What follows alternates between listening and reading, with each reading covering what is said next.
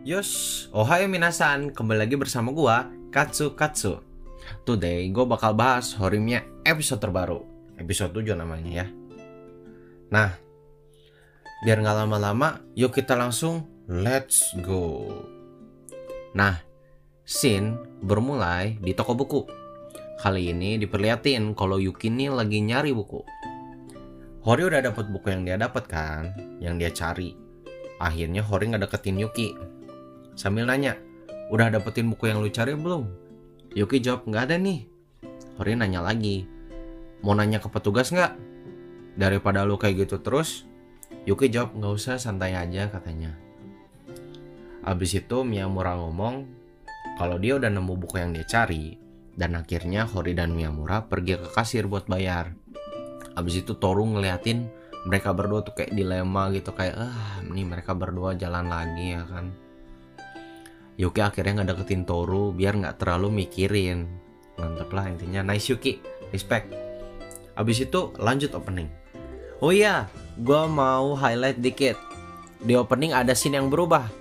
Harusnya ketika Honmono wa doko Yaitu anggapannya kayak abis abis ref Harusnya itu scene di mana Miyamura ngejauhin Hori dan ngeliatin Hori Toru, Miyamura, dan Yuki Posisinya itu lagi menunduk ke bawah Seakan dark side-nya mereka tuh ditampilin Entah dari Miyamura yang pesimis, Hori yang khawatiran, Yuki dan Toru yang kayak gitulah dua-duanya. Dan diakhiri dengan Miyamura ngelempar bunga ke jendela. Tapi di opening episode 7-nya setelah Honmono wa Doko ini, scene-nya bermula dengan Miyamura yang udah potong rambut. Terus dilanjut dengan scene Toru, Miyamura, Yuki dan Hori yang lagi main bareng jadi seakan tuh si autornya bilang ke kita gitu di opening ini teh kayak ini mereka berempat tuh udah beneran sahabatan loh gitu. Dan karena sahabat itu otomatis ketika ada masalah sama-sama saling bantu. Itu yang gue tangkep dari opening itu. Nah lanjut lah ya ke scene ke lanjutan animenya. Oke, scene berlanjut. Kali ini kita lihat Yuki di Twintel. Cuma twintelnya ke bawah bukan ke samping. Kalau kalian tahu Azusa, Azusa yang dari Keon itu kan ke samping tuh twintelnya. Kalau ini Yuki ke bawah. Cuman karena rambutnya pendek ya twintelnya kayak gitu-gitu aja. Kayak Temari. Nah kayak Temari twintelnya kayak gitu. Nah Yuki minta ditemenin Toro buang sampah. Iya. Ketika mau buang sampah, kan lagi jalan tuh mereka berdua. Nih Yuki ini cerita dia nih mau nyari DVD dan minta Toro buat nemenin dia uh, pas lagi Yuki ngomong itu Toru tuh berpikir habis Hori dan Miyamura pacaran kok Yuki nggak deketin gua ya Yuki tuh nggak deketin gua seakan dia tuh kayak kasihan gitu kayak udahlah nggak usah dipikirin lagi gitu. Ya gue seneng sih cuman ya kayak gimana gitu. Si Toru mikirnya kayak gitu. Kalau mau tahu sebenarnya motif sebenarnya Yuki menurut gue ya mereka udah pacaran. Hori dan Miyamura udah pacaran. Dah lu stop liatin Hori ada gue di sini. Liatin gue perhatiin gue itu yang gue tangkap abis itu ketika lagi jalan-jalan tiba-tiba Toru nabrak Sakura pas-pasannya kayak gini kayak lagi di mau pengkolan nih Sakura lagi jalan Toru lagi jalan mereka nabrak lah duaan kalau kalian tahu Sakura tuh sekretaris OSIS yang kacamataan terus rambutnya hijau. Nah, ketika lagi nabrak tuh kan ada minuman bekas. Nah, minuman bekas orang itu jatuh ngebasahin bajunya si Sakura. Si Toru minta maaf, si Sakura uh, kayak nolak gitulah. Kenapa minta maaf kan nggak sengaja. Cuman akhirnya Toru sigap langsung pergi ninggalin mereka. Nah, Yuki nih inisiatif buat ngebersihin bekas si minuman yang ada di pahanya Sakura dengan sapu tangannya. Ketika lagi ngebersihin bekas minuman itu Sakura nanya, Yoshikawa-san wa Eshikawa kun toskiat teruno. Artinya tuh, Yuki lu teh pacaran gak sama si Toru gitu. Terus Yuki jawab, Enggak dong, otomatis dengan muka senyum. Habis itu, ketika Sakura ngomong, "Oh, iya, kan mukanya jadi senyum tuh." Yuki ngerti di sini kalau Sakura tuh ada perasaan ke Toru. Habis itu, Toru nih datang bawa baju OR-nya dia. Maksudnya itu biar si Sakura ini nggak usah takut kalau itu bekasnya tuh nyeplak gitu di baju dia sehingga ketika orang lain lihat baju dia tuh kayak hah kenapa tuh kayak gitu? Terus kayak ya kayak diejek gitulah. Ya intinya ketika itu lu pakailah tuh baju sampai pulang. Lu cuci lu besok balikin lagi. Atau terserah lu lah mau balikin kapan. Yang intinya lu nggak usah takut gimana gimana lah gitu.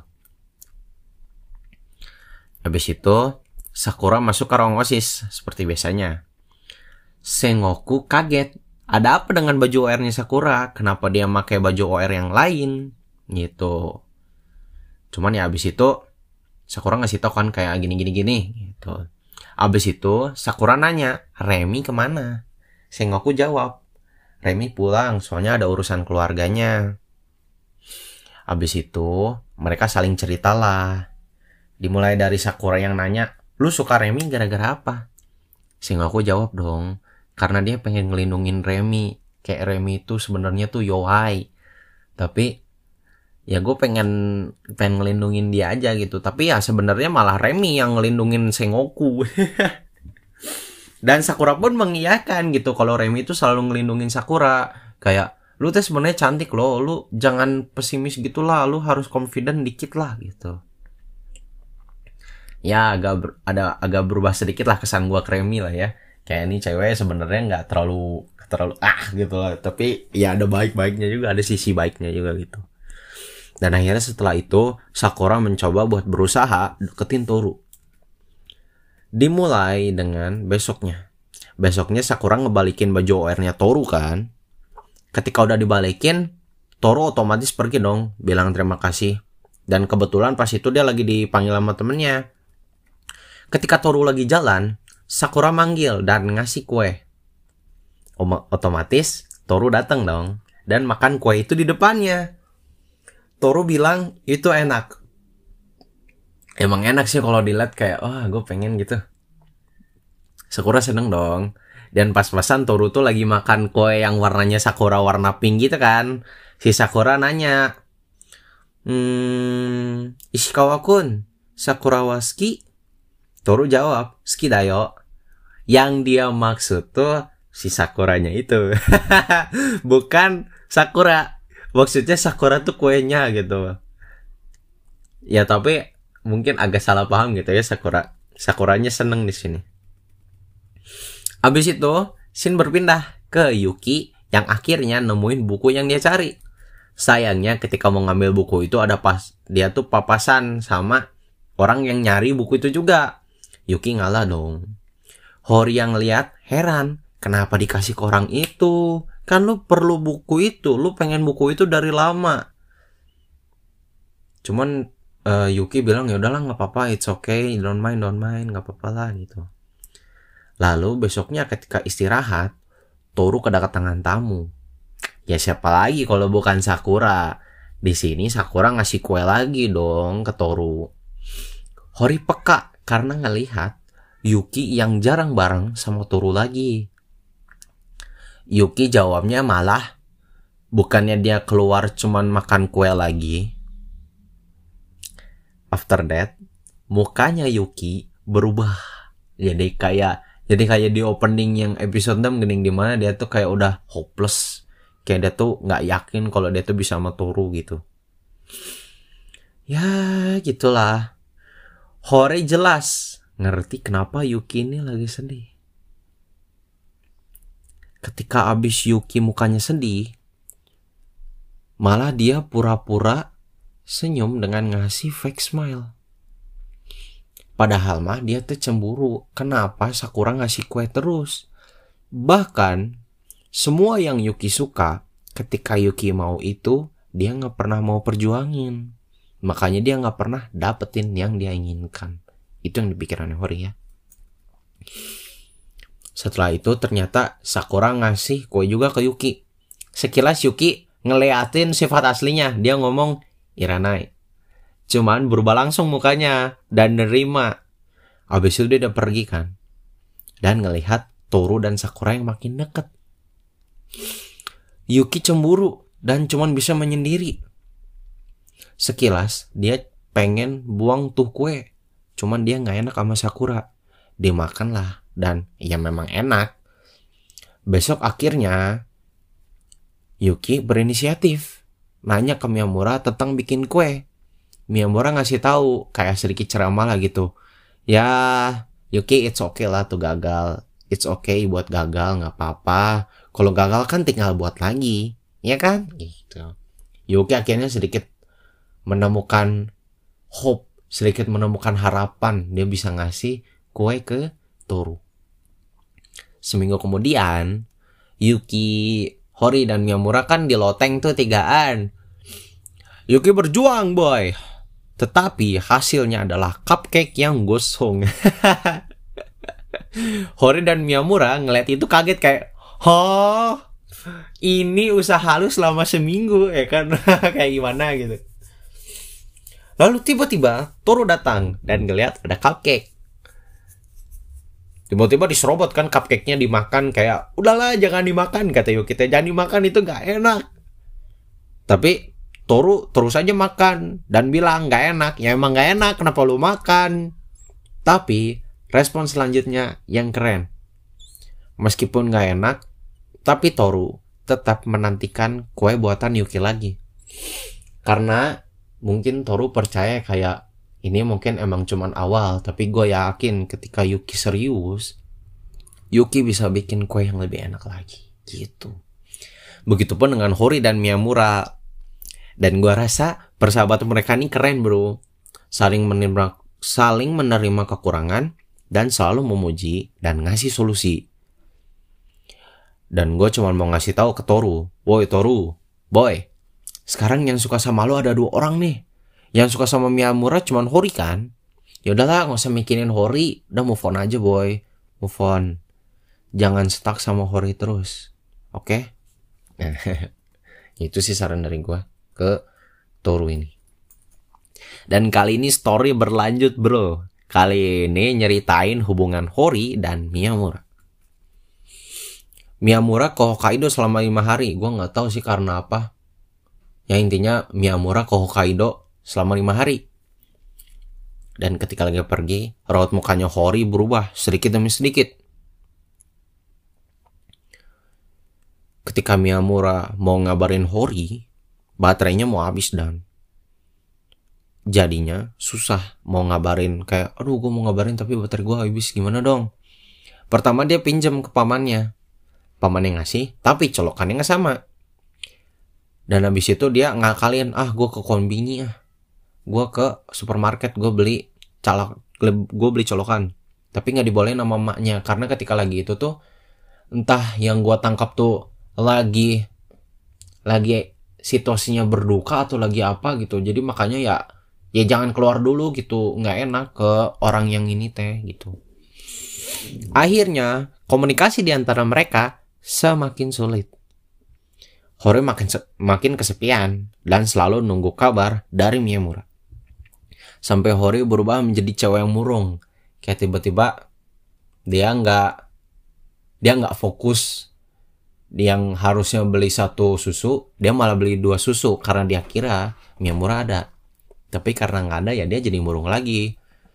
Terus ada juga kadang Miyamura ngasih kabar cuman ya tetap Hori teh kangen sama Miyamura gitu cepet pulang kek gitu kan nah pas di hari Miyamura pulang Hore nggak sabar nunggunya.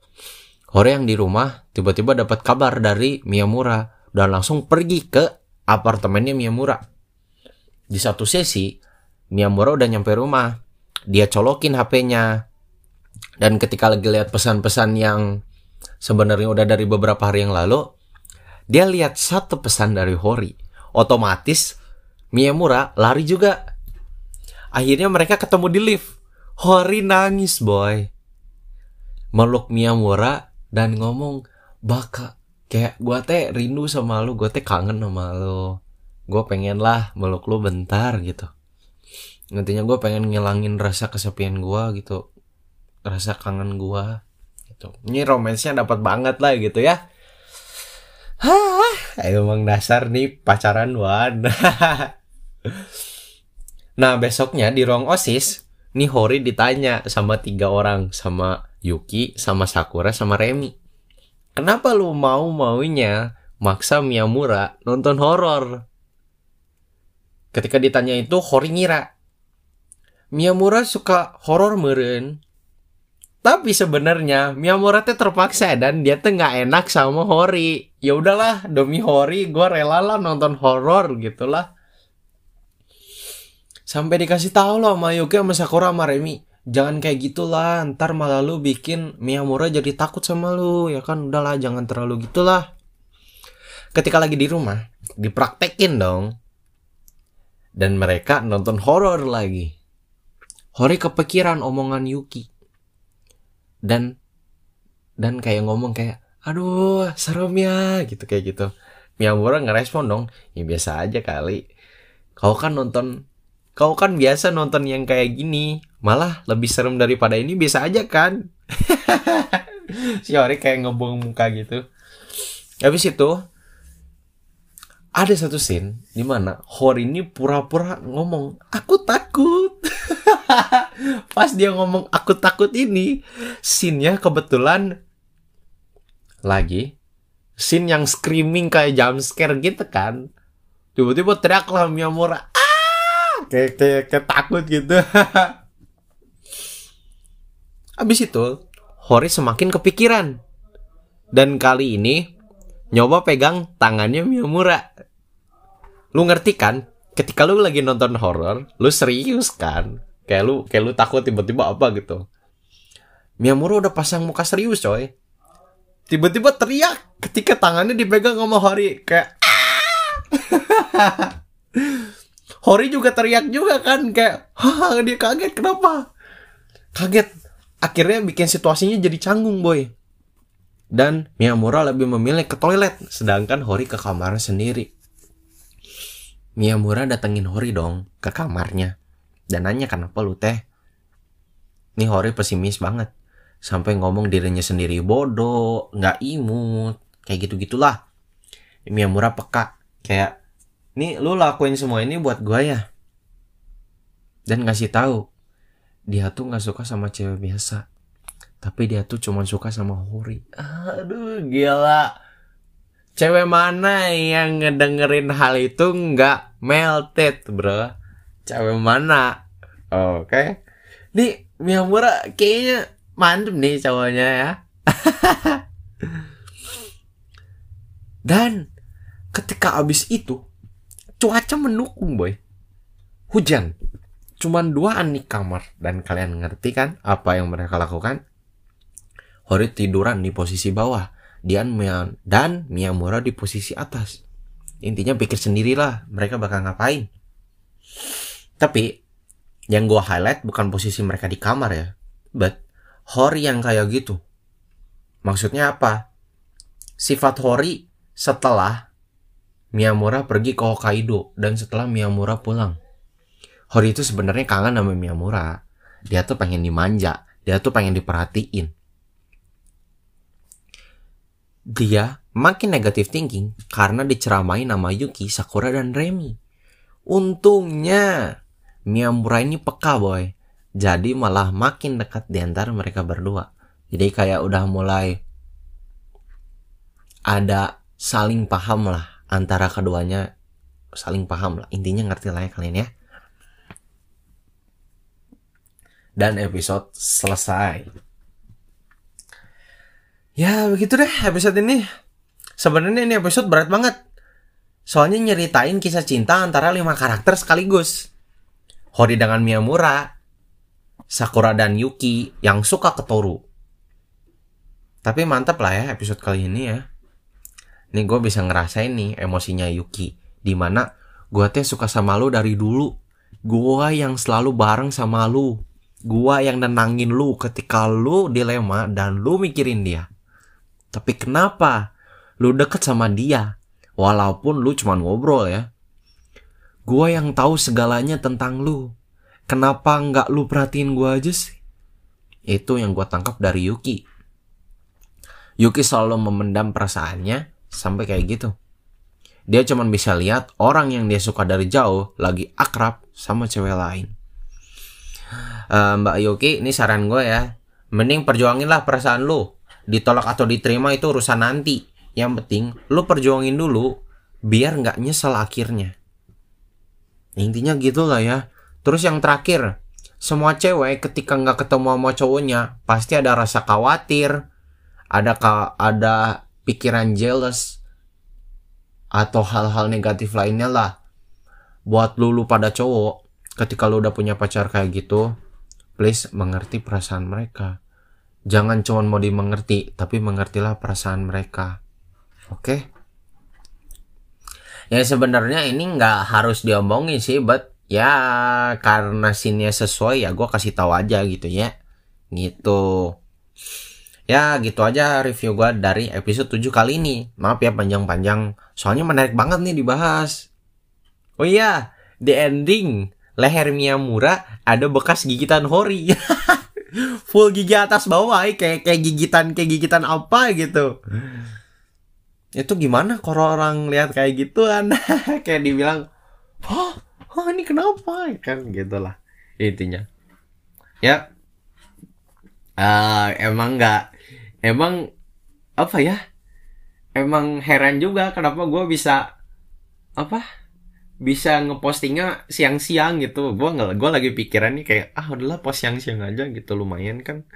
Ya intinya uh, buat kalian yang sedang menyukai seseorang atau kalian tuh